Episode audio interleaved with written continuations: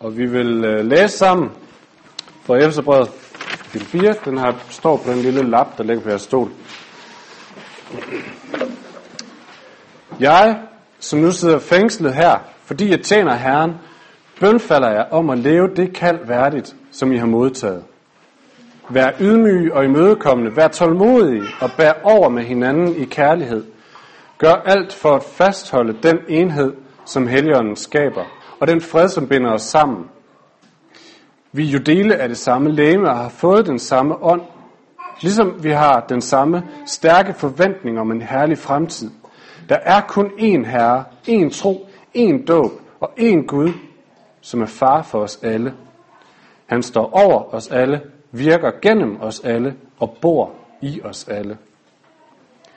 Kristus har delt ud af sine åndelige gaver til os, og vi har hver især fået noget til at tjene ham i overensstemmelse med hans plan. Det hedder jo, han steg op til det høje, frigav fanger og gav menneskene gaver.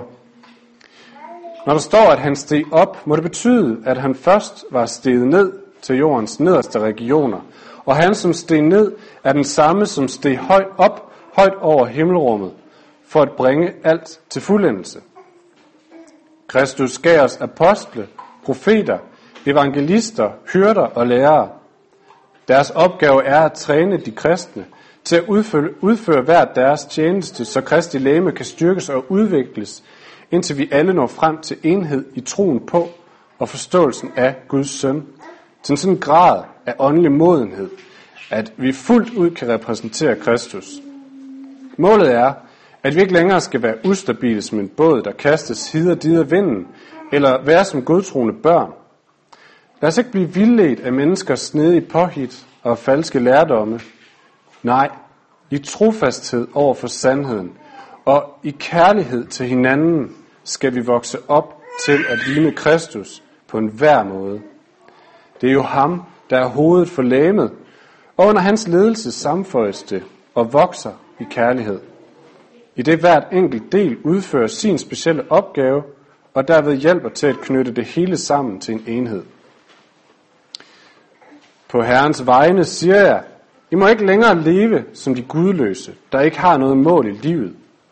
På grund af deres formørkede tankegang, deres uvidenhed om Gud og deres afvisende holdning er de fremmedgjorte over for det liv, Gud gerne vil give dem. Det rager dem en parband, hvad der er Guds vilje, og i deres egoisme har de kastet sig ud i en umoralsk livsstil. Sådan må I ikke leve. I er blevet undervist om Kristus, og I har lært, at sandheden findes hos Jesus. Derfor skal I aflægge den gamle livsstil, som I, før, som I havde før i tiden, da I blev bedraget af jeres begær og var på vej mod fortabelsen. I stedet skal I fornyes i tanker og sind. I skal iklæde jer det nye liv, som Gud har givet jer, så I kan ligne ham og leve med en ren samvittighed i lydighed mod sandheden. Læg al løgn til side og tal sandhed til hinanden. Vi er jo lemmer på det samme læme. Bliver I oprørt over noget, der synd ikke. Lad ikke solen gå ned over jeres vrede, og lad ikke djævlen få fodfæste i jeres liv. De, som plejer at stjæle, skal holde op med det, og i stedet bruge deres hænder til noget godt, så de har noget at give til dem, der har brug for hjælp. Undgå sårende ord. Sig hellere noget, der kan styrke og opmuntre. Lad jeres ord være til velsignelse for dem, I taler til.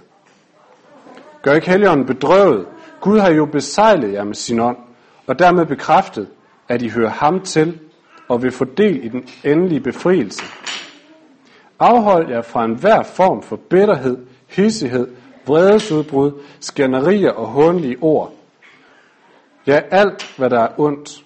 Vær venlige og barmhjertige over for hinanden. Tilgiv hinanden, ligesom Gud tilgav jer på grund af Kristus. Jeg glæder mig til den her tekst. Det er fantastisk, de har oversat den med det ravne med papband. Så det ord har jeg glædet mig til at læse op. Nå, der er så mange ting at gå i gang med i de her vers. Vi kan ikke tage fat i det hele. En af mine venner var engang til en fin reception. Øhm, og der var det her store buffetbord, I kender fra receptioner, der er pindemad, og der er alt muligt flot. Og der var det her store buffetbord, og han kom hen og så et kæmpestort fad, hvor der var masser af hindbær. han er helt vild med hindbær. Der var de her øh, hindbær øh, mos noget. Så han tog en ordentlig portion, tog den med ned til bordet, tog en ordentlig skefuld, og i den fik den i munden, så gik det op for ham, han havde taget fejl. Det var ikke hindbær, det var kaviar. Den, der er langt fra hindbær til kaviar. Det var en meget speciel oplevelse. Måske tænker nogle af jer sådan her øh, i dag, der er så mange ting i den her tekst, man kunne tage frem. Den er rigtig tit blevet taget, taget frem, fordi den handler om, om noget gaver, de gaver, som Gud vil give os til at tjene ind i menigheden, til at tjene det kristne fællesskab. Og det kommer jeg ikke til at snakke om i dag. Så ved det. Det gør jeg ikke, fordi at det skal vi arbejde meget mere med, med senere. Så det er argumentet. De vigtigste ord i den tekst, vi skal se på i dag, som jeg vil tage frem, det er de her ord, iklæde og aflægge, i vers 22 og vers 24. Aflæg jer den gamle livsstil, og iklæde jer det nye menneske, siger Paulus. Paulus er kommet til et punkt nu, hvor han vil have handling. Han siger, at der er et punkt, når I vil følge Kristus, hvor der sker noget andet. I tager et valg. Vi er midt i Efterbrevet, som I måske kan huske, og, øhm, hvor Paulus, det her brev, som Paulus har skrevet til nye menighedsplantninger, nye kristne, hvor han er ved at beskrive for dem, hvad er det for et liv, I er gået i gang med. I har sat jer ud for at høre, hvad, hvad Jesus siger, og prøve på at se, hvad betydning får det for mit liv, det han siger. Hvordan former det mit liv? Øhm, og hvad er det egentlig for et liv, der kommer ud af det? Det er det, Paulus er ved at indføre dem i, er ved at beskrive for dem.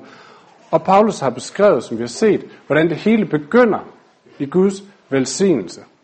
Det begynder i det, som Gud giver. Det må begynde i Guds pagt. Den pagt, som Gud har sluttet med alle kristne. Den pagt, hvor Gud siger, du er mit elskede barn. Jeg har gjort alt for dig, og alt mit er dit. Der må de begynde i Guds pagt, i Guds velsignelse, i Guds frelse, Guds tilgivelse. Og i den kraft, som Gud vil give til at leve det her liv. Det er det, Paulus har beskrevet, og nu siger han, nu kommer der et valg, nu kommer der et punkt, hvor I må vælge. Han siger, I er blevet kaldet.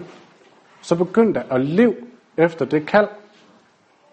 Forstået på den her måde, I er blevet kaldet, I er blevet en del af Guds pagt. I er blevet taget med i Guds pagt.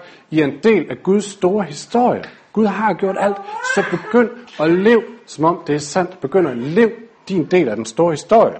Og i det, siger han, der er der noget, I må aflægge jer, og der er noget nyt, I må iklæde jer. Eller sagt til os, fordi Paulus, vi er jo også Paulus' tilhører, der er noget, vi må aflægge os. Hvis vi vil følge Jesus, eller når vi følger Jesus, der kommer et punkt, hvor der er noget, vi må aflægge os, og noget nyt, vi må tage på.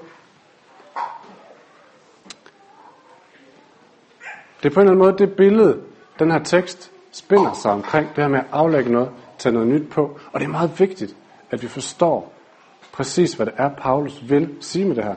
Fordi ellers, så går vi fuldstændig sur i resten af Efeserbrevet. Og i hele livet som kristen. Så det er vigtigt, at vi får fat i det her. Så det skal vi prøve at kigge lidt på. De her ord for at aflægge og iklæde er på grundsproget ord, man bruger om tøj. Tag tøj af, tag tøj på. Så man kunne lige så godt, der kunne lige så godt have stået, tag det gamle liv af, tag det nye liv på. Det er meget, meget visuelt på en eller anden måde. Man kan næsten se det for sig. Tag det gamle liv af, tag det nye liv på.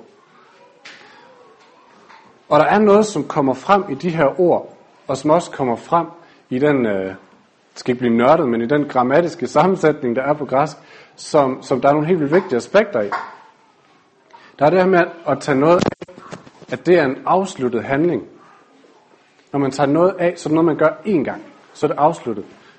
Når jeg kommer hjem, så tager jeg min jakke af, så hænger den på knæen, så går jeg ind i stuen. Det er en afsluttet handling. Jeg tager jo ikke min jakke af, og bliver ved med at tage den af hele vejen ind i stuen, og går rundt og tager min jakke, jakke af resten af dagen. Nej, det er en afsluttet handling. Det er noget, jeg har gjort én gang.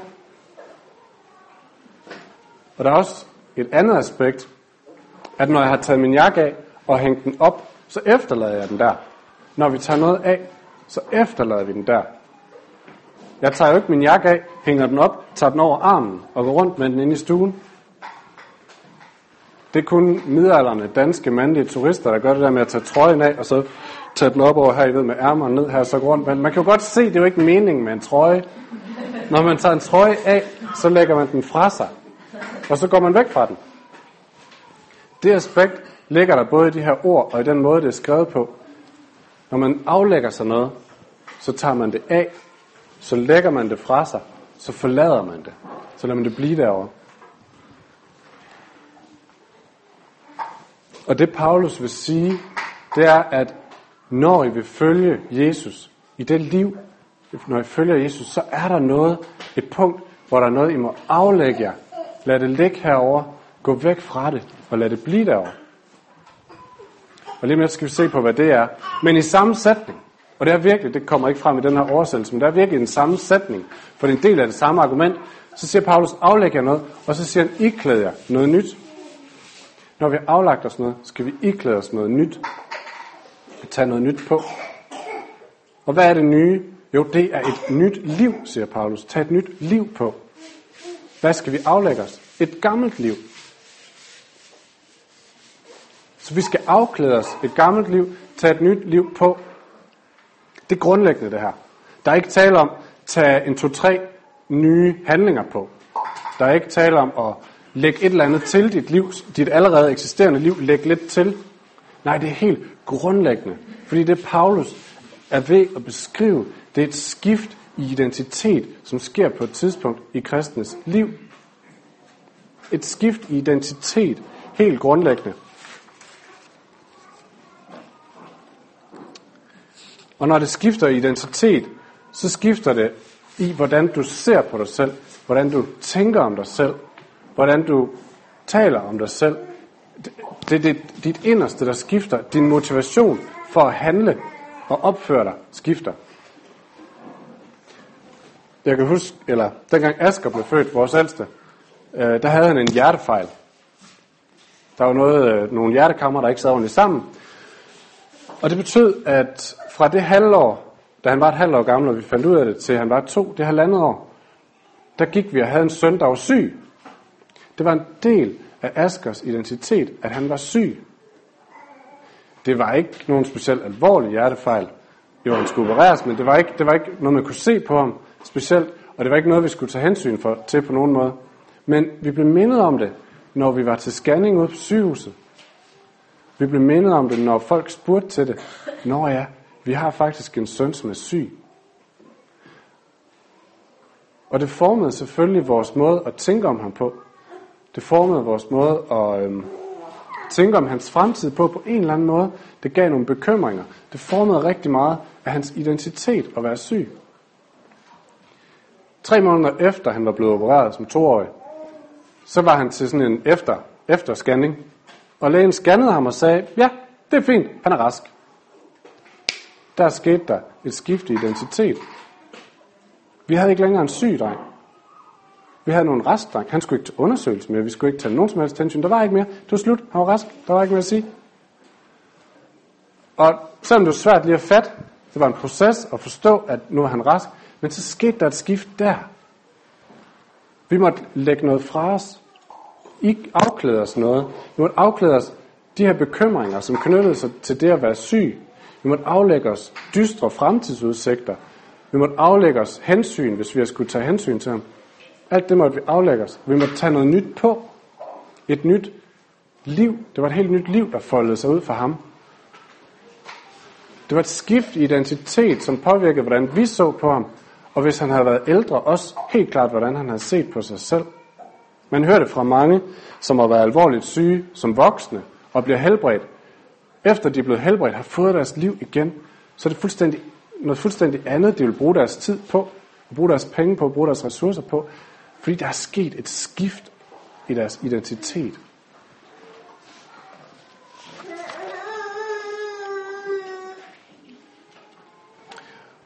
Og det er det, Paulus vil beskrive her. Når du begynder at følge Jesus, så sker der på et tidspunkt et skift i din, i din, i din identitet. Så begynd at leve efter det, den nye identitet, siger Paulus, det her nye liv. Hvad er det så, vi skal tage af og tage på? Vi kan jo spørge den almindelige dansker, hvad er det en kristen? Hvad, hvad er særligt karakteristisk for et kristne? Det må være det, vi skal tage på. Det, som særligt karakteriserer kristendom. Jeg kan huske, der var en undersøgelse for nogle år siden. Jeg kan svært ikke huske, hvor det var. Jeg kan ikke lige huske så meget af den. Jeg kan bare huske indholdet af den. De har spurgt en masse danskere, hvordan de så på kristendom, eller den kristne tro, og på Jesus, hvordan, hvordan, øh, hvad de forbandt med det. Og det sådan gennemgående svar, det var, hvad, hvad handler kristendom om? Det handler om næstekærlighed. Det handler om at opføre sig ordentligt. Behandle andre pænt. Elsk din næste. I bund og, grund, have, bund og grund have en god moral. Det er det, kristendom handler om. For, for mange, som de siger det i hvert fald. Og det er også sådan, mange ser på Jesus egentlig. Jeg er helt vild med hans moralske undervisning. Han kommer med noget helt nyt omkring, hvordan vi skal behandle hinanden. Vi skal elske hinanden. Vi skal elske selv vores fjender. Det er virkelig, virkelig smukt. Men det der med, at han skulle være Guds søn, eller opstå fra de døde, eller alt det med synd, det er måske ikke så afgørende, men jeg kan godt lide hans moralske undervisning. Det er det, rigtig mange forbinder med kristendommen. Det er en god moral. Opfør dig ordentligt.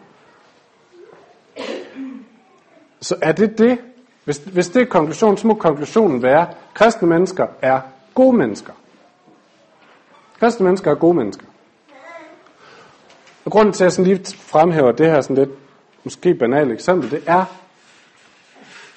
at hvis, at hvis vi forstår det på den her måde, og det kan vi faktisk godt forstå, hvis vi læser Efeserbrevet, hvis vi forstår det på den her måde, at det vi skal tage på, det er en god moral. Det kristne, de bliver, det er gode mennesker. Hvis vi forstår det på den måde, så kommer vi i alvorlige problemer, når vi kommer videre i Efeserbrevet. Fordi Paulus han siger faktisk her, han begynder at være meget, meget radikal og konsekvent og konkret om, men hvad er så det kristne liv? Og han siger nogle meget konkrete handlinger. Øh, vi læste lige før, hold op med at være hissig, hold op med at være bedre, hold op med at lyve, øh, alle mulige ting. Meget konkret. Lige til, til at føle på. Er det bare en eller anden moral, vi skal tage på? Tag nogle handlinger på, så er du kristen. Er det det, Paulus siger? Mener Paulus også, at kristne mennesker er gode mennesker? Tag et godt menneske på, er det det, han siger? Nej, det er ikke det, Paulus siger. Paulus han siger, at kristne er ikke gode mennesker. Kristne er nye mennesker. Vi er ikke gode, vi er nye. Vi er ikke, vi er ikke bare begyndt at iføre os en, to, tre, fire gode handlinger, sådan ligesom som tillæg til vores liv, og så er vi blevet gode mennesker. Nej, vi er nye mennesker. Der er sket noget radikalt anderledes. Så kan det godt være, at vi, bliver, at vi bliver gode med tiden, om Gud vil, at vi bliver gode, mænd. det er ikke det, der er essensen. Essensen er, at vi er nye mennesker.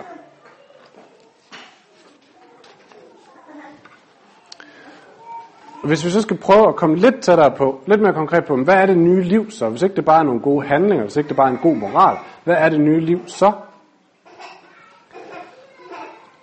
Paulus siger sådan her, det nye liv, det er det liv, hvor resten, eller hvor, hvor alle de gode handlinger, alt det gode, han beskriver, det kommer som frugten af det nye liv. Giver det mening? Det nye liv, det, er det, det nye liv, det er det, hvor de gode gerninger eller de gode handlinger er den naturlige konsekvens af et nyt liv. Det vil sige, at der er sket en forandring med mennesker indeni, som gør, at de her gode gerninger bliver en naturlig del. Der er, når man skal, hvis man skal få folk til at ændre adfærd eller begynde at opføre sig anderledes, ændre handlinger, så er der grundlæggende tre måder, man kan gøre det på. Jeg der har børn, I ved det. I andre har været børn, I ved det også. Den første, der hedder bestikkelse. I ved, hvis I står i Føtex, øh, og enten jeres unger eller nogle andres unger begynder at skabe sig fuldstændig vanvittigt over et eller andet, de vil have, eller om man står i køen, og der er fyldt med folk, man har ikke lyst til at begynde at stå og skælde ud. Hvis man er lidt svag den dag, så ender man med at sige, hold nu kæft, I får en is, hvis jeg holder kæft. Så er der ro. Fordi man har bestukket dem til at ændre handling. De har faktisk, de har faktisk ændret adfærd. De har faktisk begyndt at handle på en anden måde ved bestikkelse. Den anden måde, øhm, den anden måde, det er frygt. Det kender I sikkert også godt. Hvis du gør det der, så får du tisk. Eller så får du en bøde. Eller så kommer du i fængsel. Hvis du gør det der, så falder der brænde ned på den ene eller den anden måde. Og det, det virker faktisk. Man kan faktisk godt få folk til at opføre sig anderledes. Med frygt. Det kan godt lade sig gøre. Det sker hele tiden. Men det er ikke det, Paulus han søger her. Det er ikke det, Paulus han leder efter, når han vil have folk til at handle anderledes. Det sidste, den sidste måde for folk til at handle anderledes på, kan man kalde forandring eller forvandling. Jeg kan ikke lige komme på et bedre ord. Men det er det, der sker, når man bliver forvandlet indeni. Vi kender det, når vi øh, i forhold til børn, i stedet for at skælde dem ud, så tager vi dem ind til os, og så viser vi dem, hvordan livet kan se ud. Vi elsker det, så at sige, frem i dem.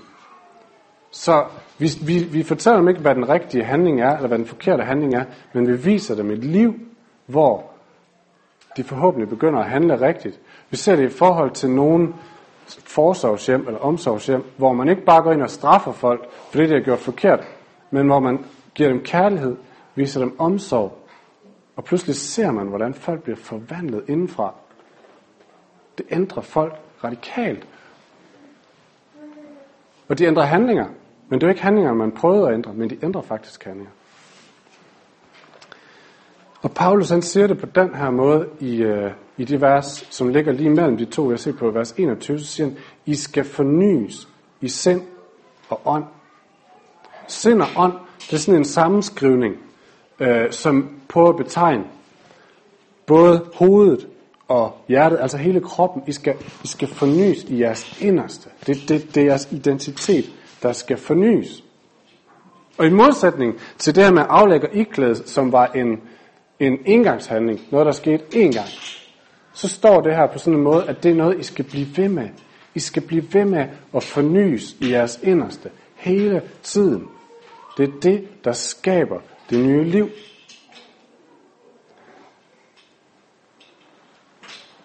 Og hvis I lægger mærke til, det kommer heller ikke helt vildt godt frem i den her oversættelse, men der står ikke forny jer i sind og ånd. Nej, der står, I skal fornyes. Man kan også oversætte det, lad jer forny. Lad jer, bliv ved med at lade jer forny. Bliv ved med at stille jer det sted, hvor I bliver fornyet. I sind og ånd, hvor I bliver fornyet i jeres inderste. Bliv ved med at stå der.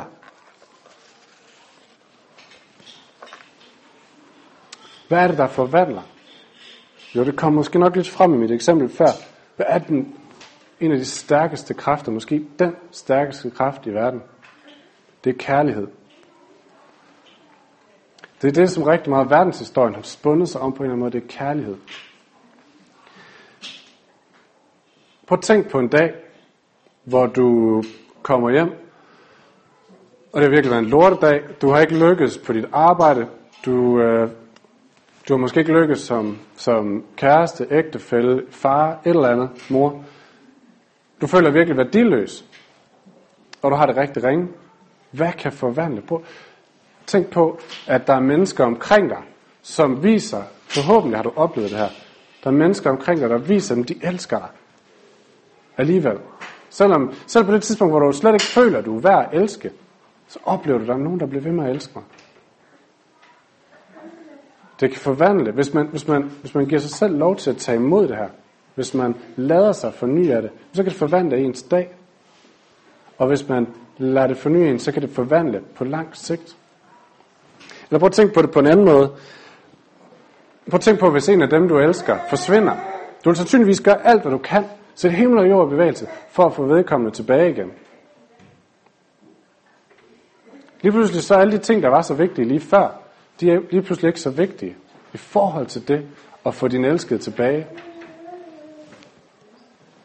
Det er kærlighedens kraft, Og det er den kraft, han, Paulus han taler om. Det er den kraft, som kan forny sind og ånd, det indre menneske. Det er Guds kraft. Det er den Gud, som gav sin egen søn i kærlighed. Det er den Gud, som var så villig og så længtes så meget efter at, få et forhold til os igen, for os tæt på, at han offrede alt, gav afkald på alt, for at få os tilbage. Det er den Gud, som elsker os så meget, også de dage, hvor vi ikke engang fortjener det. Også de dage, hvor vi på ingen måde kan gøre os fortjent til hans kærlighed. Han elsker os så meget, han gjorde alt for at vinde vores kærlighed. Før vi har fortjent det på nogen som helst måde. Så det vi skal tage på, for nu at opsummere, det vi skal tage på, det er et liv, som har en overskrift, der hedder, jeg er altid elsket. Uanset. Jeg er altid noget værd. Jeg er altid værdifuld. Slå op i Bibelen, det står side op og side ned. Du er altid elsket. Og det ændrer dit liv, hvis du har den overskrift på alle dine handlinger. Det vi må tage af, det er et liv, som har overskriften. Jeg bliver elsket i kraft af, hvad jeg gør. I kraft af, hvor godt jeg lykkes. I kraft af, hvor meget jeg præsteres, præsterer. Og det er det, vores samfund prædiker til os hele tiden. Jamen, du, du belønnes i forhold til, hvor god du er til dit arbejde, i forhold til, hvor god du er som far, som mor. Det er det, der giver dig værdi. Men det er det, vi må lægge fra os og iklæde os et liv, der hedder, du er elsket uanset hvad. Og for nu at blive konkret, ligesom Paulus, hvad der sker, hvis vi har den overskrift i vores liv, der hedder, du er elsket uanset. Jo, så behøver du ikke længere at være bitter. For hvad er bitterhed? Bitterhed, det er bitterhed over de muligheder i livet, som nogen snuppede lige for næsen af dig, så du ikke kunne få dine mål opfyldt. Så bliver du bitter. Men det behøver du ikke. For du har allerede fået alt. Du er allerede elsket. Hvad er løgn? Løgn. Løgn det er usandheder, der holder os på afstand af hinanden. Fordi hvis jeg siger en løgn, så undgår jeg, at folk kommer helt tæt på og ser mig, som jeg er. Men du behøver ikke lyve om, hvem du er, for du er allerede elsket. Hvad er hissighed? Hissighed det er en overreaktion, når nogen kommer for tæt på. Og misforstå mig ikke, der står også i den her tekst, igen, det er bedre end anden, i den øh, almindelige oversættelse, der står også i den her tekst, vi må godt blive vrede. Det er okay at reagere, når nogen overskrider mine grænser. Men hissighed, det er en overreaktion, som retter sig mod personen, og ikke mod den handling, som er gjort, som ødelægger relationer. Kan I se, hvordan det Paulus han beskriver, det hører til en gammel livsstil, hvor det handler om mig. En gammel livsstil, som har overskriften, jeg er elsket i kraft af, hvad jeg gør, og hvis nogen sætter sig i vejen for, at jeg kan gøre det, der, der gør, at jeg bliver elsket, jamen så må jeg reagere. Paulus siger, læg det her fra jer. Vi har ikke brug for den livsstil. Tag det af. Hæng det på knæen. Gå videre. Lad det hænge. Efterlad det. Og tag i stedet for et nyt liv på med overskriften. Jeg er elsket. Det er det grundlæggende. Tag af og tag på, som Paulus beskriver her. Han siger, det må du, hvis du følger Jesus på et tidspunkt, så må du tage den livsstil af, så må du tage din nye identitet, dit nye liv på, og se, hvordan det former dig. Du må se på Jesus. Du må se på, hvordan han bliver ved med at elske dig, bliver ved med at elske mennesker. Og du må stille dig i den kærlighed, hvor du kan blive fornyet igen og igen, og det vil forme dit liv til nye handlinger. Fordi så kommer der så, når det her grundlæggende tage og tage på på plads, jamen så kommer der en masse små tage og tage på, som vi kan tage med. Så kan vi begynde at kigge på vores liv, og så kan vi sige, hvad, hvad i mit liv hører til en gammel livsstil? Hvad i mit liv hører til en livsstil, hvor det handler om mig selv? Måske skal jeg vælge at tage det af. Ikke fordi, at det giver mig Guds kærlighed at tage det af, men fordi det hører til en gammel livsstil, som jeg er færdig med. Og så skal vi begynde at kigge på, hvad kan jeg tage på i stedet for? Hvilke handlinger kan jeg tage på, som meget mere afspejler en ny livsstil? Det er det, Paulus han siger, at vi skal opbygges, så vi kommer til at ligne Jesus mere og mere, så vi kan afspejle hans kærlighed for verden.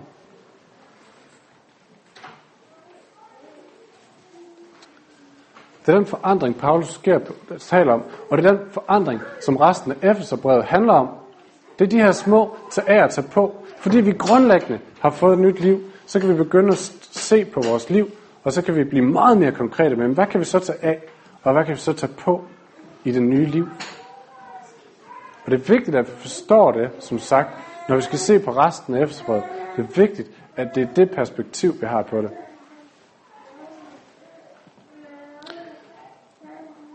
Lad os øh, slutte af med at rejse os op.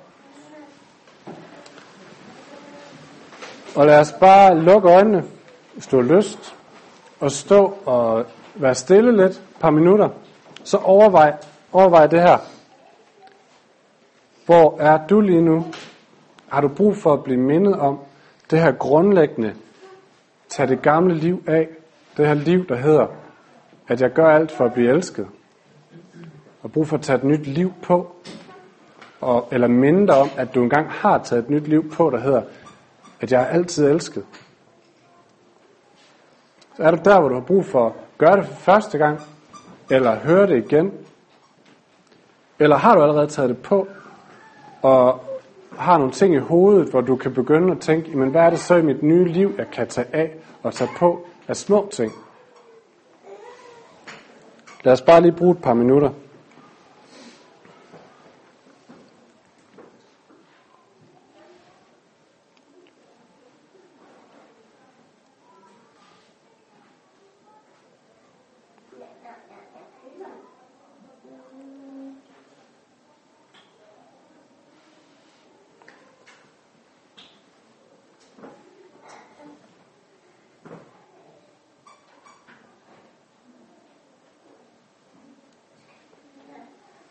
For jeg der oplever, at I bliver mindet om det her med igen at søge tilbage til den identitet af, at jeg er elsket. Vil jeg bede, her jeg beder dig for alle dem, for alle os, der har brug for at høre igen, jeg er elsket. Det er overskriften over mit liv. Her beder om, vi må mærke din kærlighed. Vi må mærke din identitet, som du giver til os. Det nye liv, som du giver til os. Og få lov til at se på os selv på den måde, og slippe alt det, hvor vi prøver på at, at vinde kærlighed eller værdi. Jeg har stillet dig så tydeligt, så vi kan se dig. Og for alle os, der oplever, at, at øh, vi er egentlig godt klar over vores nye identitet, men der er mange ting i vores liv, vi har lyst til at begynde at tage af, for at finde noget nyt at tage på. Her jeg beder dig om, at vi må hvile i, at det gør vi ikke for at vinde din kærlighed, for den har vi. Men det gør vi for at komme til at ligne dig mere. For at komme til at afspejle det nye liv mere. Og jeg beder dig, om du vil give os noget og visdom til det her arbejde med at ligne dig mere. Peg på os, hvad vi skal, hvad vi skal tage af, og hvad vi skal begynde at tage på i stedet for her, så vi kan blive mennesker, så vi kan blive en forsamling, så vi kan blive et fællesskab, der ligner dig mere. Så vi kan lov til at afspejle din kærlighed for vores venner, vores familie, for vores by, for Odense, for Danmark. Herre, så du må blive kendt af flere, så din kærlighed må få lov til at forvandle flere mennesker, føre flere mennesker til at se, hvem du er, og til at se, hvem de selv er i dig.